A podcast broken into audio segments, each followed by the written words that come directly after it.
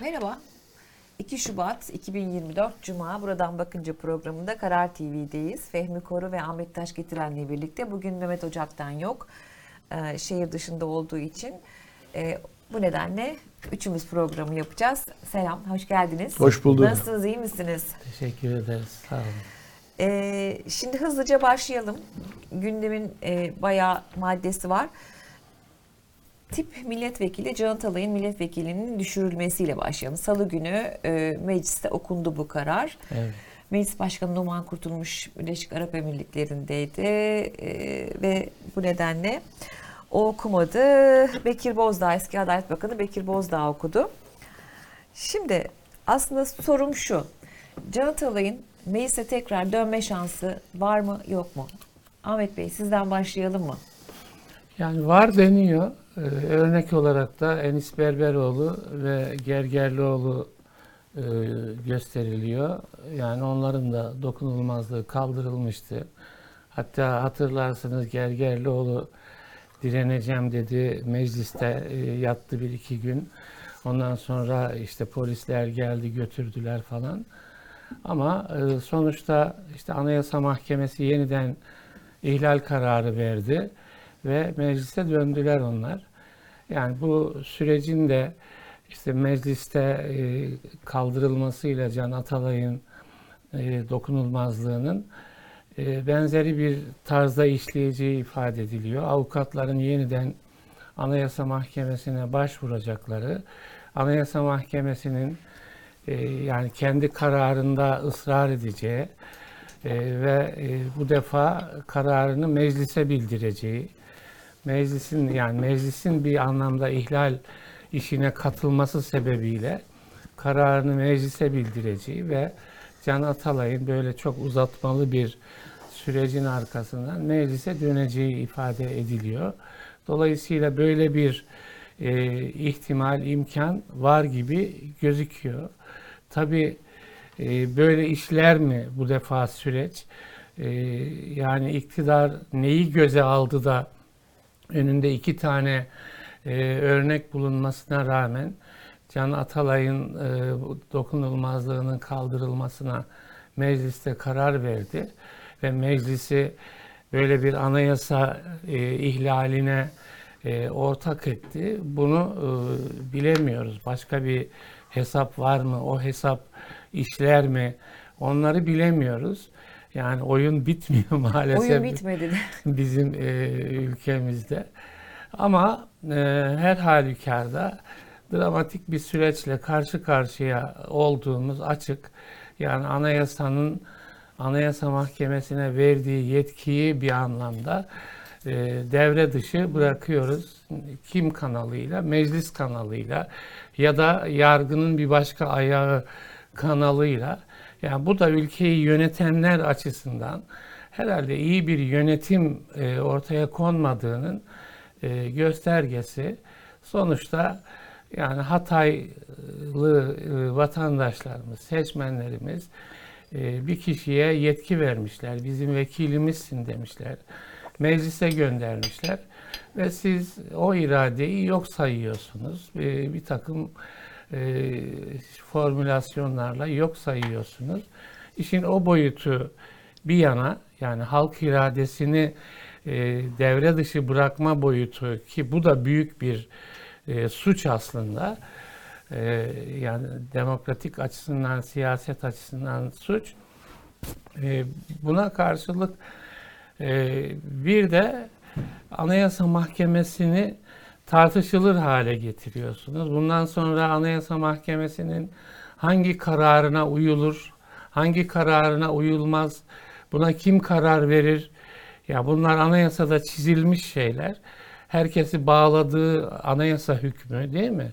Yani bütün e, bireysel ilişkileri ve devlet yönetimini bağladığı e, iki yargı kurumu arasında e, farklılık ortaya çıktığında Anayasa Mahkemesi'nin kararının bağlayıcı olduğu da yine e, anayasal bir hüküm. E, bütün bunlara rağmen bir tür meydan okuma yani biz yaparız gibi bir şey. Hakikaten meclis gücü var. Şimdi ne yapmış oluyoruz biz? Yasama olarak e, yargının fonksiyonunu iptal etmiş oluyoruz. Yani e, mesela Anayasa Mahkemesi meclisi iptal etse e, ona da itiraz ederdik. Değil mi? Yani bunlar farklı kuvvetler ve anayasada bunların yerleri belirlenmiş. Yasamanın yetkisi, yargının yetkisi, yürütmenin yetkisi. Şimdi yürütmenin bir anlamda e, yönlendirdiği bir meclis iradesi var. E, yargının bir, bir tarafını etkilediği e, bir gerçeklik var. E, ve Anayasa Mahkemesi'ne bana göre bir kumpas hazırlanıyor. Yani bir e, bu Anayasa Mahkemesi'ni yazdım bunu bir hale yola sokmak lazım gibi tepede bir düşünce var. Bu daha çok Düşünce de eyleme geçti zaten. daha çok bence MHP cenahında var. AK Parti de e, yani belki de MHP'yi öne sürerek kendi hesabını devreye sokmaya çalışıyor. Yani bir yerde e, hukuk devleti özelliğinden uzaklaşıyoruz. Bunun farkındayız veya değiliz. Bunun mesela bir boyutunun ahime gideceğini herkes biliyor. Yani AK Parti içinde de bu hukuk hassasiyeti olan insanlar bunu da biliyor olmalılar. Bir de şuna işaret etmek lazım. Anayasa Mahkemesi'nin verdiği bu kararın altında en sonunda en son kararda oy birliği var bir anlamda. Evet. Oy birliği var. Yani bu ne anlama geliyor? Ee, en sonuncu onun o, 10. üyeyi Yılmaz Akçil bu İstanbul Sözleşmesi e, ile ilgili kararı veren Danıştay'ın e, başkanı Yılmaz Akçil'i Tayyip Bey Anayasa Mahkemesi'ne üye tayin etti. Ona ulaştı. Do- dolayısıyla Tayyip Bey'in tayin ettiği üye sayısı ona ulaştı. Abdullah Gül'ün tayin ettiklerini de ilave ederseniz neredeyse Anayasa Mahkemesi'nin bütün üyeleri bu iktidar, yani AK Parti iktidarları döneminde tayin edildi.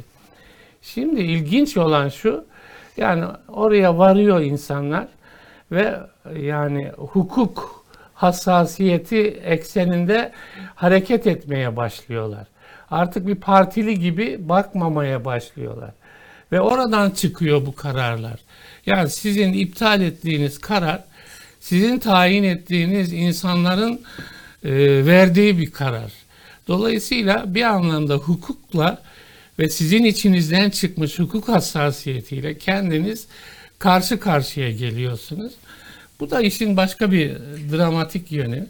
Yani neresinden baksanız sakat bir süreç e, yürüyor ve güç kullanarak bana göre güç kullanarak buna Tayyip Bey'in diliyle bakarsak güçlülerin hukuku değil mi? Hukukun üstünlüğü değil, üstünlerin hukukunun devreye girmiş olması anlamına geliyor. Yani oralara da belki bakmaları lazım. Yani söyledikleriniz, geçmişte söyledikleriniz ve bugün ya- yaptıklarınız arasında ben bunu özellikle e, AK Parti liderliğine söylüyorum. Yani MHP'nin bu konuda e, yani bir söz dinleme e, tavrının olacağını düşünmüyorum. Ama e, AK Parti bu yapının büyük e, belirleyeni e, ama onu da gördüğüm kadarıyla MHP çizgisi, Bahçeli çizgisi daha da özelde belirliyor gibi gözüküyor. Peki hani e, çok konuşuluyor ama tekrar da sormakta yarar olduğunu düşünüyorum. E, Devlet Bahçeli neden Anayasa Mahkemesi'ne bu kadar karşı? Yani e, Anayasa Mahkemesi yani hakikaten bir hukuk hassasiyeti ortaya koyuyor ve bunu yaparken de e, şeylere bakmıyor, ideolojik çizgilere bakmıyor. Yani mesela Selahattin Demirtaş, ya Bahçeli kürsülerden terörist olarak ilan ediyor. Tayyip Bey de zaman zaman terörist olarak ilan ediyor. Kavala mesela ideolojik olarak farklı bir yerde duruyor. Ama hukuk karşısında yani ideolojik tavır koyamazsınız. Koymamanız gerekiyor. E, oysa Anayasa Mahkemesi diyor ki benim önüme bir dosya geliyor. Ben o dosyaya bakarak kararımı vermek durumundayım. Ve ben hukuk e, penceresinden baktığımda da insanların ideolojik duruşlarını görmem. Yani kendi ideolojimi de devreye sokmam. Ama Bahçeli diğerinden baktığınızda oradaki yani kendi duruşu önemli. O duruş yargıya da yansısın e, vesaire istiyor. Orada Anayasa Mahkemesi kontrol edilemez bir alan gibi gözüküyor. Yani mesela Yargıtay'da bu etkinlik veya daha alt kademe e, yargı kurumlarında bu etkinlik yani siyasal etkinlik daha yoğun olabiliyor. Bunu ne zaman gördük biz? Bunu mesela HSK oluşumlarında Hakimler Savcılar Kurulu yani mesela falanca e, grup sosyal demokrat grup, falanca grup muhafazakar grup, falanca milliyetçi grup. Yani bu tarz ayrımlar olduğunu biliyoruz. Bunlar ifade de edildi. Yani kamuoyuna da yansıdı. Geçmişte HSK tartışmalarında yansıdı. Bunu Adalet Bakanları da biliyor. Apaçık biliyorlar. Şimdi oralara etki ediliyor. Ve biz artık mesela yargıda bu tarz paralel yapılanmaların oluştuğunu biliyoruz.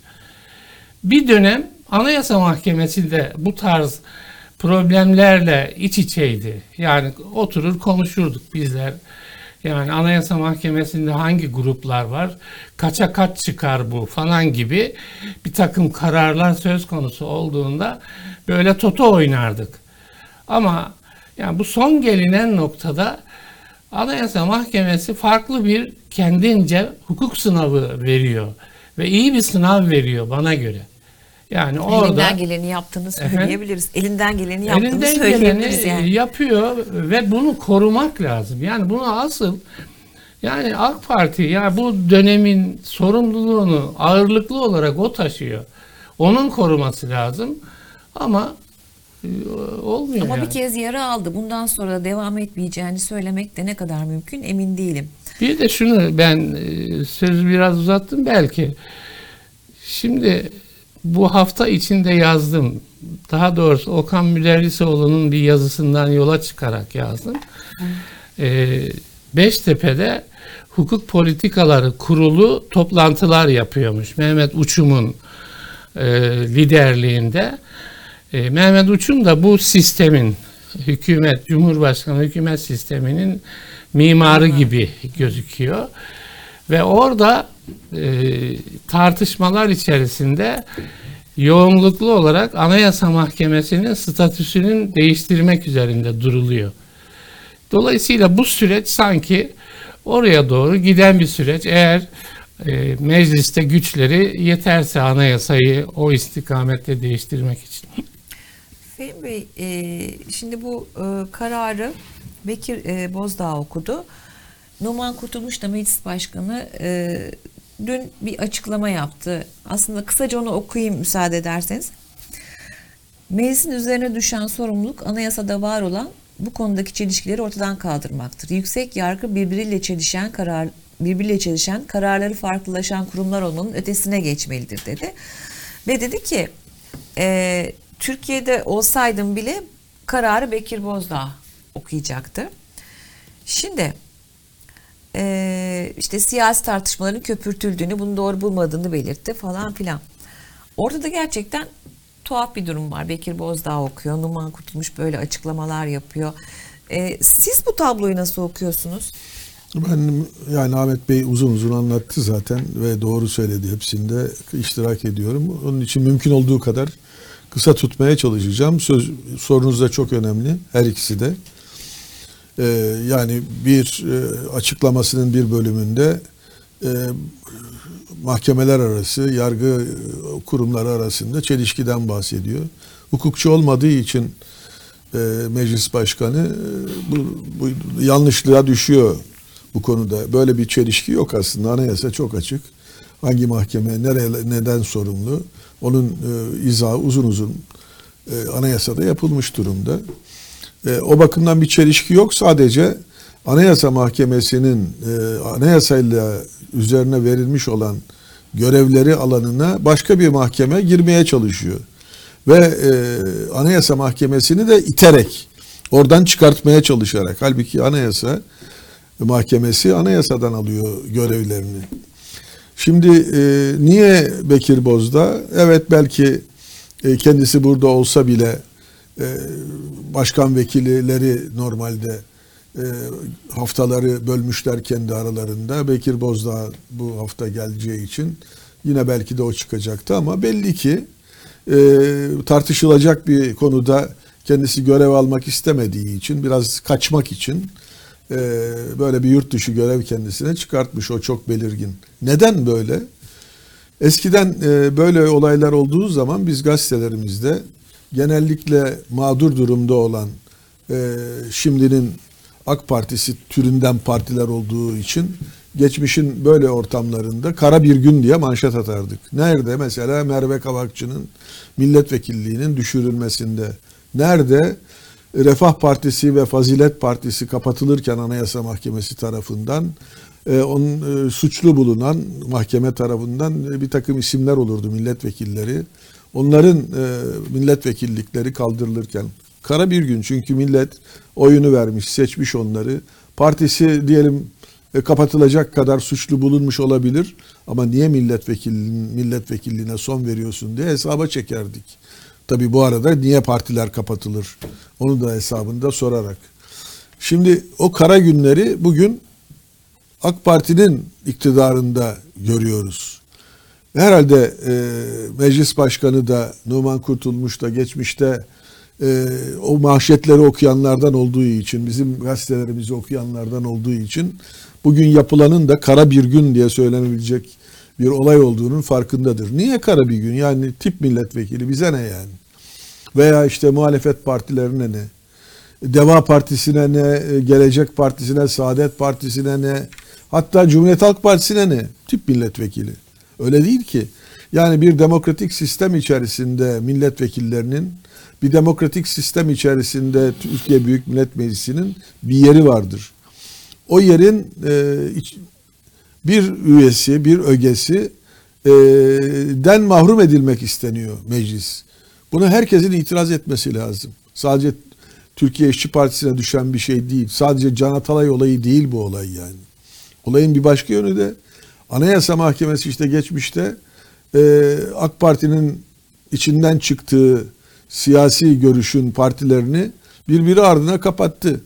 Bu sadece şeyden değil, Milli Nizam Partisi'nden beri böyle, 1970'lerden beri böyle.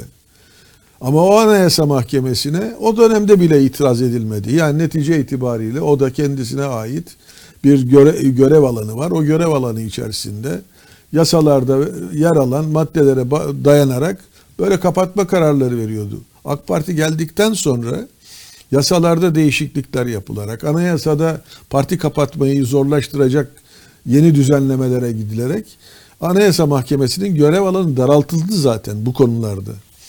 Şimdi geçmişte e, o olaylar yaşanırken bugün de buna benzer olayların yeniden yaşanmaya kalkışılması sadece bir milletvekilinin milletvekilliğinin düşürülmesi değil. Biliyorsunuz ki e, işte daha önce HADEP, HEDEP şimdi de DEM olan partinin kapatılması da dahil olmak üzere bir takım tekliflerde bulunuluyor şu anda. Bütün bunlar aslında yine geçmişi hatırlatıyor ve bizim gibi o dönemleri içen, içinden yaşamış, çok yakından yaşamış olan insanları mesela benim tüylerimi diken diken ediyor bu. Böyle bir olayla karşı karşıya kalmak. Eminim e, Numan Kurtulmuş gibi e, geçmişi çok iyi bilen AK Partililerin de tüylerini diken diken etmesi gereken bir olay olduğunun farkındadırlar. Şimdi bunu böyle bıraktığımız zaman ne olacak? Yani kendi haline bırakalım peki işte eleştiriyorlar ama işte milletvekili. O zaman sistem var, demokrasi olmaktan çıkıyor başka bir şeye dönüşüyor şu anda. Yani bunun farkında ol, olmayanların farkına varmaları lazım. Yarın çünkü öyle bir dönemler gelebilir ki e, demokraside Türkiye'de tek işleyen şey bir seçimler. Seçimler e, bir bakarsınız e, ekonomide bir dip dalga yukarıdan aşağıdan gelir yukarıya doğru tırmanır. ve sizin hiç beklemediğiniz bir anda mesela en güçlü göründüğünüz şu anda seçime gidiyor. AK Parti güçlü görünüyor. Ama gelir biz bunu 89'da Anavatan Partisi ile yaşadık. Anavatan Partisi kendi içerisinden birini Cumhurbaşkanı seçti 1989'da. O yılın sonunda yapılan e, yerel seçimde bütün belediyelerini kaybetti, büyük belediyelerini. İki belediye kalmış. Evet. Bey. Malatya ve Ardahan. Evet, yani bütün bel- belediyelerini kaybetti. Bütün Türkiye'ye hakimdi. İstanbul, Ankara, her yani aklınıza gelecek bütün büyük şehirler Ana- Anavatan Partisi'nin ama bir dip dalga geldi şey Özal inanamadı. O dip dalga şimdi de gelebilir. Yani bir bakarsınız insanların burasına gelmiştir ekonomideki yaşanan sıkıntılar. Sizler ne kadar işte 5 bin lira vererek kapatmaya çalışırsınız. Yüzde 32'yi yüzde 49'a çıkartırsınız. Ama insanlar yine tatmin olmazlar. Çünkü neticede ocaklar yanıyor şu anda. Mutfaklar yanıyor. Ee, gelir bir dip dalga sizi oradan götürür. Nitekim 89'da yerel seçimlerde kaybetti Anavatan Partisi. Yerel e, idareleri. Hemen iki yıl sonra 91'de de iktidarını kaybetti. Evet ama tencere hani iktidarı götürür. E, biz bunu ge- e, genel seçimde görmedik. Yerel E, seçimde bu kadar değildi herhalde. Yani insanların bir e, belki bir- diyorsunuz o hani o bir son nokta Ben var. şimdi de olacak diye bir şey söylemiyorum. Yani Anladım, anladım. öyle bir durum olur ki sizi böyle götürür ve sonra ne olacak? Anayasa Mahkemesi yine orada ve bu defa başlar yeni gelen iktidar. Anayasa Mahkemesi'ni zaten değiştirmek istiyordu bunlar. Biz değiştirelim şimdi. Getirelim bunların da partilerini kapatacak yeni yani buna mı gidilmek isteniyor? Herkes kendisi keyfine göre demokrasiyi tarif ediyor. Ta, o tarif içerisinde Anayasa Mahkemesi'ne bir rol biçiyor. Şimdiki rol çok geniş olduğu için onu daraltmaya çalışıyor. Mesela bireysel başvuru hakkını almak istiyorlar anladığım kadarıyla. İlk yapacakları müdahale bu olacak herhalde. E, bireysel e, başvuru hakkı bu hükümetin uygulaması olarak geldi 2010 yılındaki anayasa değişikliği çok referandumu sonrasında. Çok şey geldi yani. Ve ona uygun da düzenlemeler de yapıldı. Ve bundan dolayı insanlar artık e, Avrupa İnsan Hakları Mahkemesi'ne gitmek yerine Ankara'daki Anayasa Mahkemesi'ne başvuruyorlar ve haklarını alıyorlar. Dolayısıyla böyle bir güzellik de kendileri açısından bir güzellik de bunu yapanlar açısından doğdu. Ama bunun keyfini çıkartmaları gere- gerektiği halde şimdi kendi elleriyle verdiği şeyleri yine kendi elleriyle hani kaşıkla verir e, Kepçeyle kepçeyle alır denilir ya. Şimdi kaşıkla verdiğini bütün sistemi değiştirerek yani kepçeyle geri almaya çalışıyorlar. O bakımdan yani biraz tuhaf bu olaylar. Ve ben AK Parti'yi ileriyi düşünmeden kendilerinin de yarın demokrasilerin en önemli özelliği e, siz beğenmeyebilirsiniz bazı şeyleri. Ama yarın e, sizin e, iktidarı kaybetmeniz halinde yeni gelecekler aleyhinize kullanacakları bir şeyi, kullanabilecekleri bir şeyi onların aleyhine kullanmazsınız. Yani sistemler Churchill'in sözüyle biliniyor ki demokrasi en mükemmel sistem değil. Ama işleyen en mükemmel sistem. Şimdilik bulabildiğimiz en mükemmel sistem. Dolayısıyla insanlar biraz tahammül içerisinde demokrasiyi yürütüyorlar. O siyaset içerisinde yer alan partiler ve bireyler birbirlerine müsamahalı davranarak bugün bu ben varım, yarın başkası gelecek. Bugün ben onun aleyhine bir takım şeyleri sistemi değiştirerek yapmaya kalkarsam yarın gelecek olanlar da benim aleyhime kullanırlar. Onun için ben yapmayayım diye bu sistem yürüyor, sistemler yürüyor, demokrasi yürüyor. Bizde şimdi son 10 yıl içerisinde sisteme sanki hiç gitmeyecekmiş. Belki Başlarına bir şey gelmeyecekmiş. Belki de öyle. Öyle bir şey yok. Yani bugün gitmez, yarın gider ama mutlaka gider. Böyle ile, ilelebet giden ben bir e, demokrasi hatırlamıyorum. Yani dünyanın en iyi melekler gelse, yönetseler, onu, o melekleri de iktidardan gönderecek mutlaka gelişmeler yaşanır. Yaşanıyor bütün dünyada. Peki şimdi e, demokrasiden bahsetmişken dün e, Cumhurbaşkanı Erdoğan'ın e, bazı sözleri çok tartışıldı. Şeriata düşmanlık esasında dininin bizatihi kendisine husumettir dedi. Ee, aslında şöyle söyledi. İslam'ın e, Gaza ruhunu taşımayan bir Türklük tanımı ve projesi aslında Türk milletini müzeye kaldırma, folklorik bir öge, öğe haline getirme teşebbüsleridir. İslam'ın hayata dair kurallarının bütününü temsil eden şeriata düşmanlık esasında dinin, dinin bizatihi kendisine husumettir. Neden dedi bu sözleri? Evet. Şimdi orada ilginç bir ifade. İslam'ın gaza ruhunu taşımayan bir din anlayışı diyor. Yani gaza ruhu demek yani cihat ruhu. İşte başka ülkelere e, ordu gönderme, işte sefer düzenleme falan gaza ruhundan bunu kastediyor şey. Onun için gazi deniyor mesela. Aynı kökten gelmek üzere. Aslında tabii Tayyip Bey'in bu sözleri bilinen sözler. Yani İslami camia e, alanının bildiği sözlerdir. Yani hakikaten şeriatla İslam sanki iç içe e, olarak mütalaa edilir. Yani şeriat bir anlamda dinin uygulanma e, biçimidir denebilir. Yani yani şeriat İslam'ın kurduğu düzenin adıdır ve genelde de e, birlikte değerlendirilir. Yani bu ifadeleri e, dini bir takım kültürü olan insanlar yadırgamazlar. Ama soru sizin sorunuz. Yani neden bugün böyle bir şey e, söyleme gereği duymuştur Sayın Cumhurbaşkanı? Sayın Cumhurbaşkanı bildiğimiz işte laik bir cumhuriyeti e, yöneten kişidir. E, yani sistem henüz laik. Dolayısıyla Anayasa Mahkemesi'nin de öyle bir kararı var. Başörtüsüyle ilgili kararındaki ifadeyi hatırlıyorum ben. Laik düzen şeriat karşıtı bir düzendir diye. Bu Ahmet Necdet Sezer'in başkan olduğu Anayasa Mahkemesi, başörtüsü yasağını da getiren Anayasa Mahkemesi'nin gerekçeli kararında böyle bir ifade var. Şimdi tabi bunu e, İslami camia yadırgamaz ama sistem e, Cumhurbaşkanı konumu vesaire açısından e, yadırganacaktır. Tepkiler de gelecektir. Şimdi anlamı da Sayın Cumhurbaşkanı'nın bugün niye bunu söylüyor daki anlam da zannediyorum karşıtlarının çıkması. Yani seçim sürecindeyiz.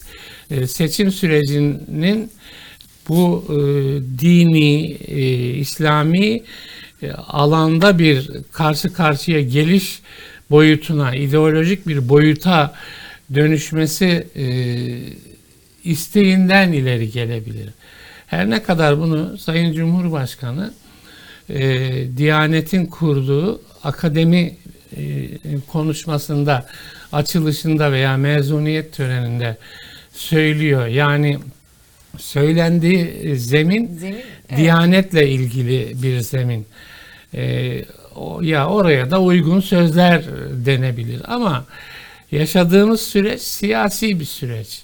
Sayın Cumhurbaşkanı'nın konumu siyasi bir konum ve bu seçim sürecinde çok etkin bir rol e, üstlendiği de biliniyor özellikle. Bu kadar hilafette e, şeyleri, çağrıları e, tartışılırken tam onun Şimdi üzerine... tabii o boyutlara e, gelmek de lazım. Yani e, mesela o konuşmada e, Özgür Özel'e yönelik de bir suçlama var. Yani Özgür Özel'in e, dini talepleri işte Türkiye'yi gerilere götürme gibi yorumladığı yani bunlar doğru da olabilir ama e, yani Tayyip Erdoğan'ın durduğu yer açısından e, yani şeyin içeriği siyaseten kendi hesabına doğru kabul edilebilir. Ama Cumhurbaşkanı'nın böyle bir tartışma içinde e, yer alması, Türkiye'yi böyle bir tartışmanın içine götürmesi Türkiye açısından sağlıklı mı? Tayyip Erdoğan ve AK Parti açısından sağlıklı mı? Bunlara bakmak lazım. Sizin o ifade ettiğiniz husus mesela bir iki hafta önce burada da hatta geçen hafta Konuştuk. konuşalım dedik de vakit kalmamıştı. Önceden konuştuk. Şimdi mesela bir 28 Şubat benzeri işler oluyor. Dedi, Ee, e, işte bir takım komplolar oluyor diye bir yani özetle verdiğim bir ifadesi var Sayın Cumhurbaşkanı'nın. Niye söyledi onu o zaman?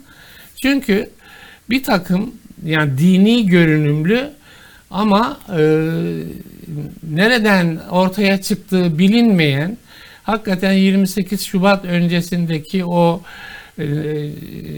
işte Acmendi vesaire böyle ben Cağaloğlu'nda çalışıyordum. O zaman büromuz oradaydı. Şimdi valilik de orada biliyorsunuz. Şimdi cübbe giymiş, sarık giymiş adamlar, ellerinde büyük bastonlar. Böyle Cağaloğlu yokuşu var biliyorsunuz. Sirkeci'den yukarı. Oradan yürüyorlar. Tak, tak, tak böyle. Yani bizi fark edin. Biz başka bir şeyi oynuyoruz dercesine. İşte onun içinden Fadime Şahin vesaire olayları çıktı ve ardından 28 Şubat, Şubat. geldi. Şimdi demek ki Sayın Cumhurbaşkanı bir 28 Şubat duyarlılığı var. Şimdi mesela IŞİD'liler cinayet işliyor. Has- e, kilise basıyor. Değil mi? Kilise basıyor. Yani ya bunların ortaya çıkardığı bir görüntünün içinde ve nereden gelmiş IŞİD'liler? Birisi Tacik, birisi Rus pasaportu taşıyor falan. Ardından Araba Polonya, Ardından otomobil operasyon Polonya'dan. yapılıyor. Onlarca IŞİD'li yakalanıyor. Böyle bir şeydeyiz. Yani bunun belki bunu bu sürecin içinde Diyarbakırlı Ramazan. Hoca. Ramazan Hoca işte sonradan hoca olmuş. Ya onun olan öldürülmesi biri olayı. değil yani gerçekten hani adamın da kimseye bir zararı yok kendine göre. Kısa işte süre takmış. önce Fatih Camii imamına yönelen saldırı.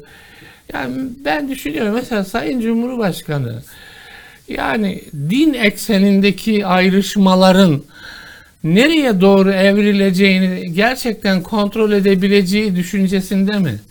Bir şey de var bu arada gezi olaylarındaki e, palayla göstericilere saldıran. Ha, bu öldürüldüğü evet haberi öldürüldü. var. Palalı Sabri Palalı diye Sabri bilinen diye kişi. biri öldürüldü. Ee, evet böyle Şimdi hakikaten mesela e, mesela Ramazan Hoca diyelim ki bir video kaydını dinledim. Yani diyor ki tarikatlara ben prensip olarak karşı değilim diyor ama e, bir takım davranış yanlışlıkları var diyor. Onlara itiraz ediyorum diyor.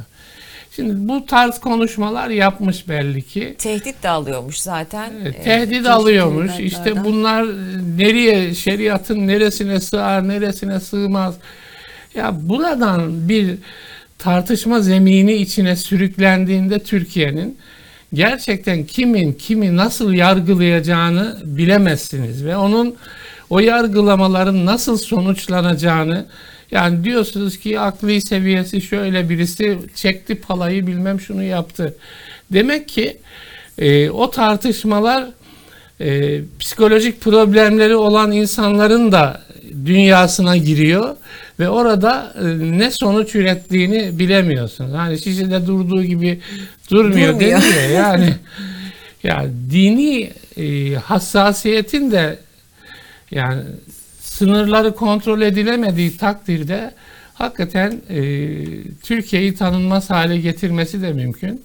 Bu noktada Sayın Cumhurbaşkanı bence olayı yani siyasi hesap boyutunun dışında düşünmeli. Türkiye'yi yönetiyor. Türkiye'de dini anlayış bakımından da çok farklı yaklaşımlar var ve bu farklı yaklaşımların birbirine yönelik çok böyle kabul edilmez yargılamaları var. O yargılamaların içinde çok uç noktalar var.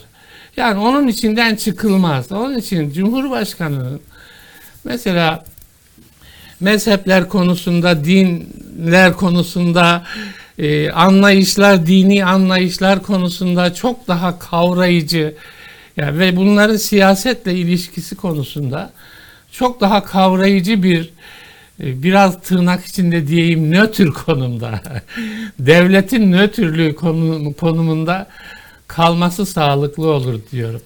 aslında hep meli malı olmalı e, Evet. neyin ideal olduğunu belki konuşuyoruz ama e, olmuyor. Evet. yani as- aslında olmuyor Fehmi Bey. Şimdi hakikaten işte bu e, Diyarbakırlı Ramazan Hoca, e, kilise e, saldırısı, e, dün işte fabrikada 7 kişi rehin alındı çalışan.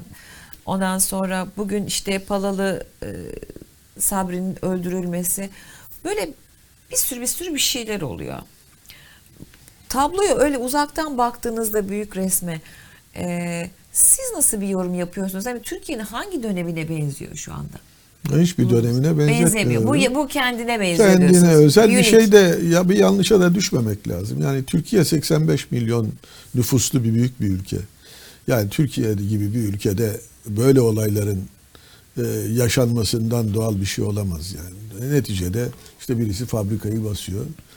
Hem şahsi bir takım e, beklentiler içerisinde olan o yerine gelmedi diye o fabrikada böyle bir eylem yapmayı göze alan birisinden Gazze'yi de öne süren Ee, yani Gazze'ler filan onlar e, bahaneler olarak kullanılabilecek şeyler. Ben kilise olayına da böyle bakıyorum. Yani evet IŞİD'in peşine düşülmesi, IŞİD'le irtibatlı olan bu vesileyle pek çok insanın e, gözaltına alınması. Yani IŞİD e, hem dünya için bir sorun hem eğer Türkiye'de gerçekten böyle bir varlığa ulaşmışlarsa Türkiye için de bir sorun. Ben e, internet ansiklopedisini açtım baktım. Türkiye'de 500 IŞİD militanının varlığından bahseden bir şey var. E, yani her ülkede kaç kişiler bunlar diye sıralamış. Türkiye'ye 500 militan düşmüş. Eğer böyle bir şey varsa ve 500'e ulaşmışlarsa bunların sayıların üstüne düşülmesi gerekir. Ama ben e, kilise baskını diye gösterilen şeyin e, doğrusu biraz garip olduğu kanaatindeyim. Yani onun herhangi bir dini hassasiyetlerle yapıldığı konusunda e, şüphelerim var. Yani daha çok bir mafya hesaplaşmasına benziyor. O insanı da galiba yanlışlıkla e, vurduklarını düşünmemiz lazım. Ama elbette e, IŞİD deniliyorsa, devlet böyle bir karara varmışsa ve gerçekten de IŞİD'se e, diğer IŞİD'çilerle birlikte bu işin daha fazla e, Türkiye'nin başını ağrıtacak hale almaması için böyle bir tedbir olarak bunun üstlerine gidilmelerinde fayda var. Şimdi Cumhurbaşkanı'nın açıklamasına gelince yani baktığımız zaman e, biliyoruz bu faiz konusunda bir nas sözcüğünü kullanmıştı. Neydi? E, işte faiz sebep, enflasyon sonuç, Sonuç. diye. Şimdi o zaman da ben e, bu makamda kaldığım sürece faiz e, arttırmak diye bir şey olmaz demişti. İşte şeriat dediğimiz şey bu. Yani faiz denilen şeyin sonuna kadar yasaklanması gerekiyor. Ama farkına varmadığı bir şey vardı. Acaba şeriat dediği şeyin yasakladığı faiz bu faiz mi? Yani Türkiye'de bankaların uyguladığı işte yüzde 40, yüzde 50 hala yani en fazla çıkartabildikleri yüzde 45. yüzde 45. Ee, bu fa bu mu faiz yoksa e, insanların cebinden parayı çeken enflasyon mu? Bana göre yas- yasaklanması gereken şey enflasyon. Enflasyonu sıfıra indirmek zorundasınız. Faiz dediğiniz şey asla yüzde 45 denilen şey olamaz. Çünkü onun netice itibariyle sizden cebinizden çektiği en fazla yüzde 45'tir. Ama enflasyon yüzde 70'in üzerinde çekiyor hepimizin cebinden. Gerçek olmayan bir enflasyon bile. Evet. O bakımdan şimdi nas dediğimiz şeyin e, bir de bunu da şeriat diye genel başlık altına alırsak ve aklımıza ilk gelen şekliyle bunları yorumlamaya kalkarsak bunlar doğru şeyler değil. Bir defa e, mecellede biliyorsunuz Ahmet e, Cemil e, neydi? Ahmet, Ahmet Ahmet Cevdet, Cevdet Paşa. Paşa. Ahmet Cevdet Paşa e, ve büyük bir heyet o döneme göre şeriatı, şeriatın genel ilkelerini e, maddeler haline getirmişlerdi. Bunların en önemlilerinden bir tanesi zamanın değişmesiyle ahkamın yani hükümlerin değişmesi de inkar edilemez cümlesi. Dolayısıyla şeriat dediğimiz şey kalıplaşmış. Öyle e, kitaplarda yazan e, bunların da aynen uygulanma hayır. Her dönemin kendisine uygun bir hukuk anlayışı anlamına geliyor. Bir yaşam tarzı anlamına geliyor. Eğer şeriatta bir mana vermemiz gerekiyorsa yoksa kalıplaşmış düşünceleri ve fikirleri, kalıplar, kuralları, kuralları, kalıpları her dönemde uygulanacak diye bu, uygulana, uygulanamaz çoğu bugün. Onun için yani bunları evet bir e, dini ortamda işte Diyanet'in e, elemanlarıyla oturursunuz, konuşursunuz ama bunlar televizyonlardan yayınlanacağı zaman farklı bir anlamlara çekilebilecek şeylerdir. E- eskiler bunu işte avama sönülecek şeyler var normal in- insanlara. Bir de sadece bilim anlay anlayabilecek durumda olanlara. e, Şimdi anlayabilecek durumdakilere konuşuyorsunuz ama bunu televizyonlardan yayınlayarak herkes dinliyor. O zaman mesela Nas konusu insanların aklına gelmiyor mu acaba faizle irtibatlı olarak Cumhurbaşkanı bunu söylediğinde? Çünkü e, faizle Nas'ı bir arada e, konuştuğu zaman bunun da şeriat olduğunu, şeriata göre olduğunu söylediğiniz zaman e, o zaman bunun üzerine durmuyorsunuz, değiştirebiliyorsunuz. Bu nasıl oluyor diye insanlar doğal olarak sorar, sorarlar ve soruyorlar da bugün. Onun için bu tür bu konuları daha böyle e, dini konuların rahatlıkla konuşulabileceği. Daha küçük gruplar içerisinde. Hayır belki binlerce insan ama onlar dini eğitim almış olan insanlar olsun ve bu konuları da hiçbir e, baskı altında kalmadan zihinleri e, baskı altında tutmadan öyle bir ortamda tartışıyor. Yoksa bunu söyledi diye işte Ramazan Hoca, Diyarbakırlı Ramazan Hoca ne söylediğini bilmiyorum. Ben hiçbir şeyini ne okudum ne kendisini dinledim. İnsan bir şeyler söylüyorsa ona hür- hürmetle dinlersiniz. Çok da öyle hani şey Hayır ne Çok- Yok canım evet. Hayır, yani çok da olsa ne olur yani? hiçbir şey olmaz ama hani yani böyle çok insanlar şey- insanların e, hele dindar insanların her türlü fikre açık olması lazım. Kur'an'da o çok açık şekilde yazıyor. Diyor ki e, biz her şeyi dinler, onların içerisinden en doğrusunu uygularız. Bu kadar basit yani. Siz Marx'ı da dinlersiniz, okursunuz kitaplarını. Onun içerisinden de yararlanacağınız şeyler olabilir. Ve e, insanlarla da bu konuları tartışırsınız. İslami olduğu söylenilen şeyleri de oturursunuz böyle tartışırsınız. Yani İslami diye birilerinin tanımladığı bir şey tartışılmaz diye bir şey yok. Her şey tartışılabilir. Tartışmanın sınırlarını insanlar belirleyemez. Her şey sınırsızca tartışılabilir. O bakımdan bu tür konuların e, ben daha e, ciddi bir şekilde tartışılacağı ortamların e, Tayyip Erdoğan'ın Cumhurbaşkanı sıfatıyla Diyanetçilerin önünde yaptığı konuşmalar türünden bir ortamda yapılmasının doğru olmadığı kanaatindeyim. İnsanlar bunu anlamaz. Siz e, belli bir kesime işte şeriat e, sözcüğünü kullandığınız için hoş gelecek diye düşünürsünüz siyaseten. Ama o sözcüğü kullandığınız için çok daha geniş kitleler sizinle ilgili farklı kanaatlere ulaşırlar. Buna da hakkınız yok. Yani kendinizin din açısından buna hakkınız yok. Ben olaya böyle yaklaşıyorum. Şimdi aslında hani bu haftanın son konusu olarak e, yerel seçimlere geçeceğim ama Karar'ın manşetinde bir haber var. Asal Araştırma Şirketi'nin e, Türkiye Siyasi Gündem Ocak 2024 araştırması.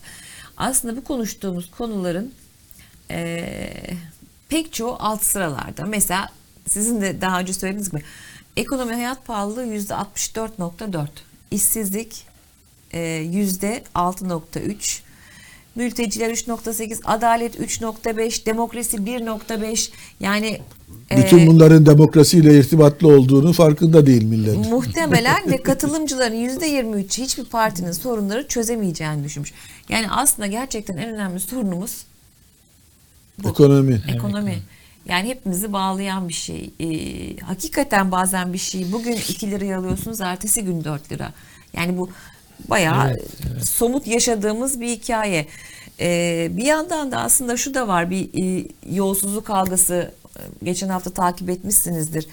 Ee, 34 puanla gene 115. sıradayız. Bayağı bir e, başarılı bir e, Böyle ortamlar yani ekonomik sıkıntıların yaşandığı ortamlar bütün o, o olumsuzlukları da tetikler. Yani sadece yo- yolsuzluklar artmaz, hırsızlıklar da artar, her türlü şey artar. Ee, insanlardan sizin aile boyu e, aile e, ne ne diyebiliriz? ailenin e, mahremiyeti, ailenin e, kutsallığı filan gibi şeyler kullanırsınız.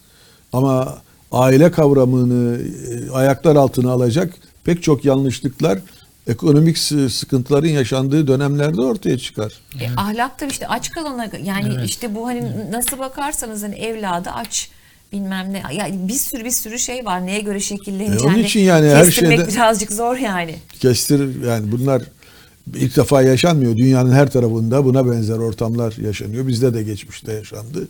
Bunların ortaya çıkardığı ahlak sorunları sizin e, istediğiniz belli kalıplar içerisinde bulunmasını istediğiniz bir toplum projenize ters düşen şeylerdir. Yani AK Parti açısından söylüyorum.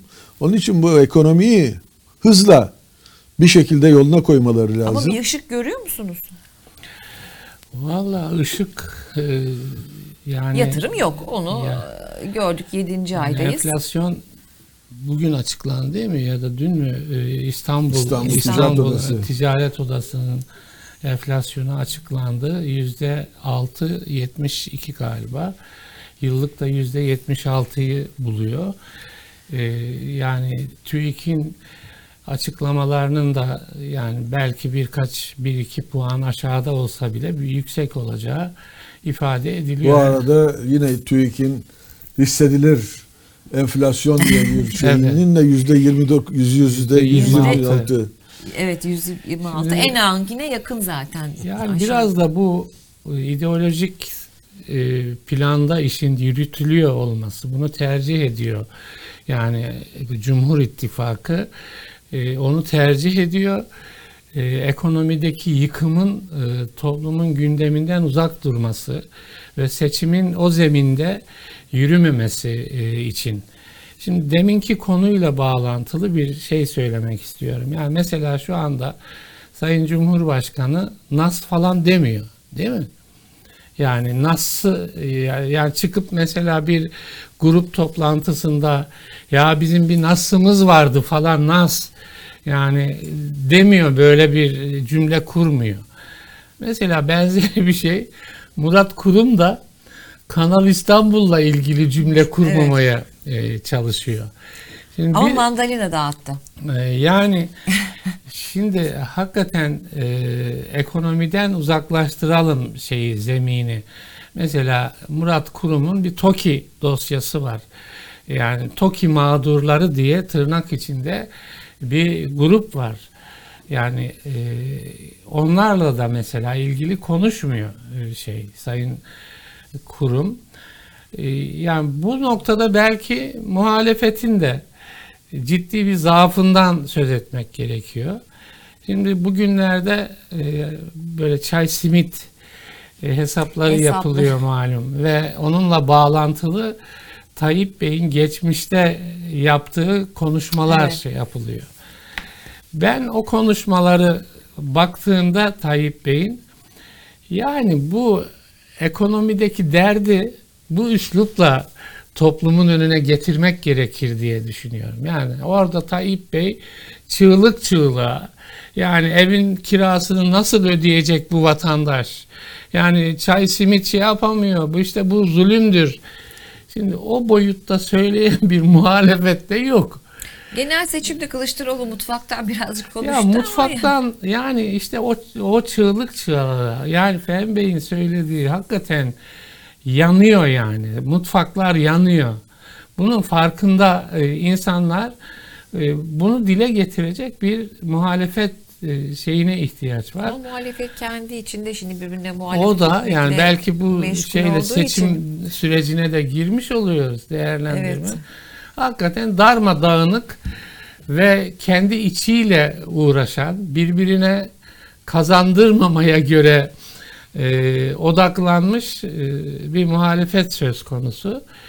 Yani normalde hakikaten sağlıklı bir muhalefet e, ya demokrasiler içinde kaçınılmaz. Alternatif şimdi sordunuz ya bunların gitmesi söz konusu mu diye. Aslında sorunuzun altında ya şu anda öyle bir şey gözükmüyor gibi bir şey de var değil mi? Bir alt düşünce de var.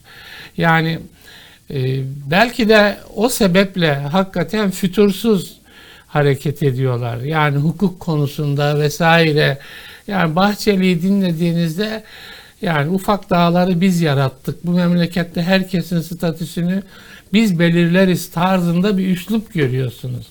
Bu kabul edilemez. Yani demokrasilerde yani sonuçta iktidarda olsanız bile toplumun verdiği hizmeti yerine getirmek zorundasınız. Yani toplumdur ana e, değerlendirme şeyi olan. Bunu da yani bütün partiler toplumun önüne eşit biçimde giderler. Yani muhalefetin kazanabilme ihtimalini değil mi? e, her an diri tutmak gerekiyor. Değilse ya iktidar neyi kafasına uygun görüyorsa onu yapıyor. Zaten- Hukukta başka şey yapıyor. Ekonomide başka şey yapıyor. Şimdi baktığınızda da e, gerçekten e, Cumhurbaşkanı Erdoğan da MHP lideri Bahçeli'de her konuşmalarında işte salı günkü grup toplantısında Bahçeli işte Erdoğan çeşitli konuşmalarında hani hep bir manşet veriyor. Hep bir tartışılacak bir şey veriyor değil mi? Hani e, gayet sivri konuşmalar tartışılacak şeyler.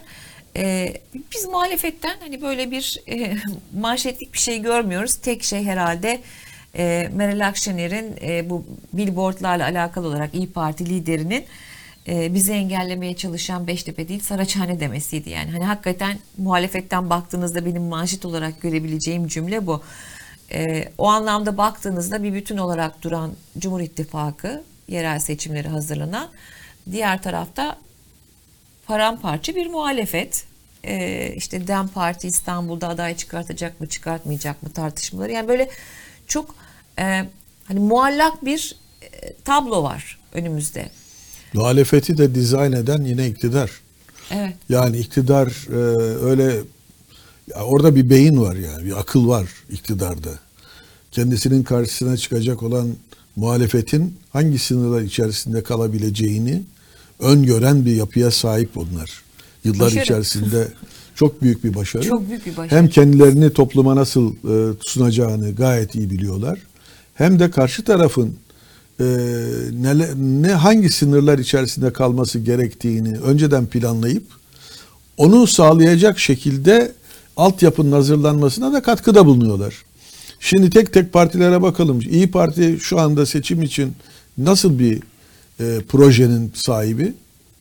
Cumhuriyet Halk Partisi'nin kazandırtmama projesinin Tek sahibi. proje bildiğimiz o. Evet. Yani onun tek bir şeyi var. Ee, İstanbul, Ankara vesaire bu büyük şehirlerde daha önce seçilmelerine yardımcı olduğu, daha önce e, Cumhurbaşkanı e, yardımcıları olmaları için e, kendisinin teklifte Abla bulunduğu. kardeş gibiyiz. Ke- dediği. Dahası e, Kemal Kılıçdaroğlu olmasın, bunlardan biri olsun dediği İstanbul ve Ankara'nın belediye başkanlarını kazandırtmamak üzere ve tabii diğer büyük şehirleri de bir politika izliyor. Şimdi iktidar ne yapıyor? Hiçbir şey yapması gerekmiyor yani. İyi Parti iktidarın yapabileceği en önemli şeyi yapıyor. CHP ne yapıyor peki?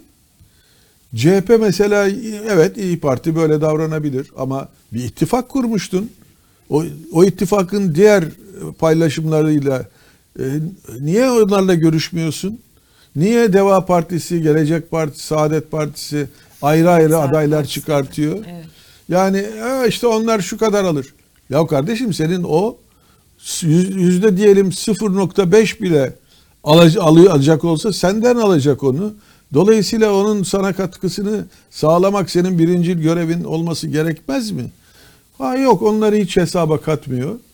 E, Dem Partisi bakın onun da gayet güzel bir şekilde Selahattin Demirtaş'ın e, cezaevinde bulunması e, eşi e, 6-7 yıldır cezaevinde olan bir insanı nasıl ben kurtarırım acaba diye herhalde düşünse e, böyle bir pazarlığın resmi bir pazarlık olmayabilir ama zihinsel bir pazarlığın e, açıl, açılmasına vesile olacağı için niçin çünkü Selahattin Demirtaş e, cezaevinde seni başkan yaptırmayacağız dediği için orada.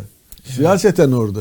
E şimdi seni başkan yaptırmayacağımızdan İstanbul'u sana hediye edeceğize gelen bir yeni anlayış var. Çünkü çok açık ki hani ciddi bir faydası olacak AK Parti'nin adayına Başak Demirtaş'ın. Zararı olacağı kesin CHP'ye. CHP'ye Yani önemli olan orası. Çünkü bütün anketlerde bir başa baş gözüken bir şey var. Dolayısıyla yani baktığınız zaman e, burada bir e, akıl, mantık, zeka ile hareket eden bir iktidar.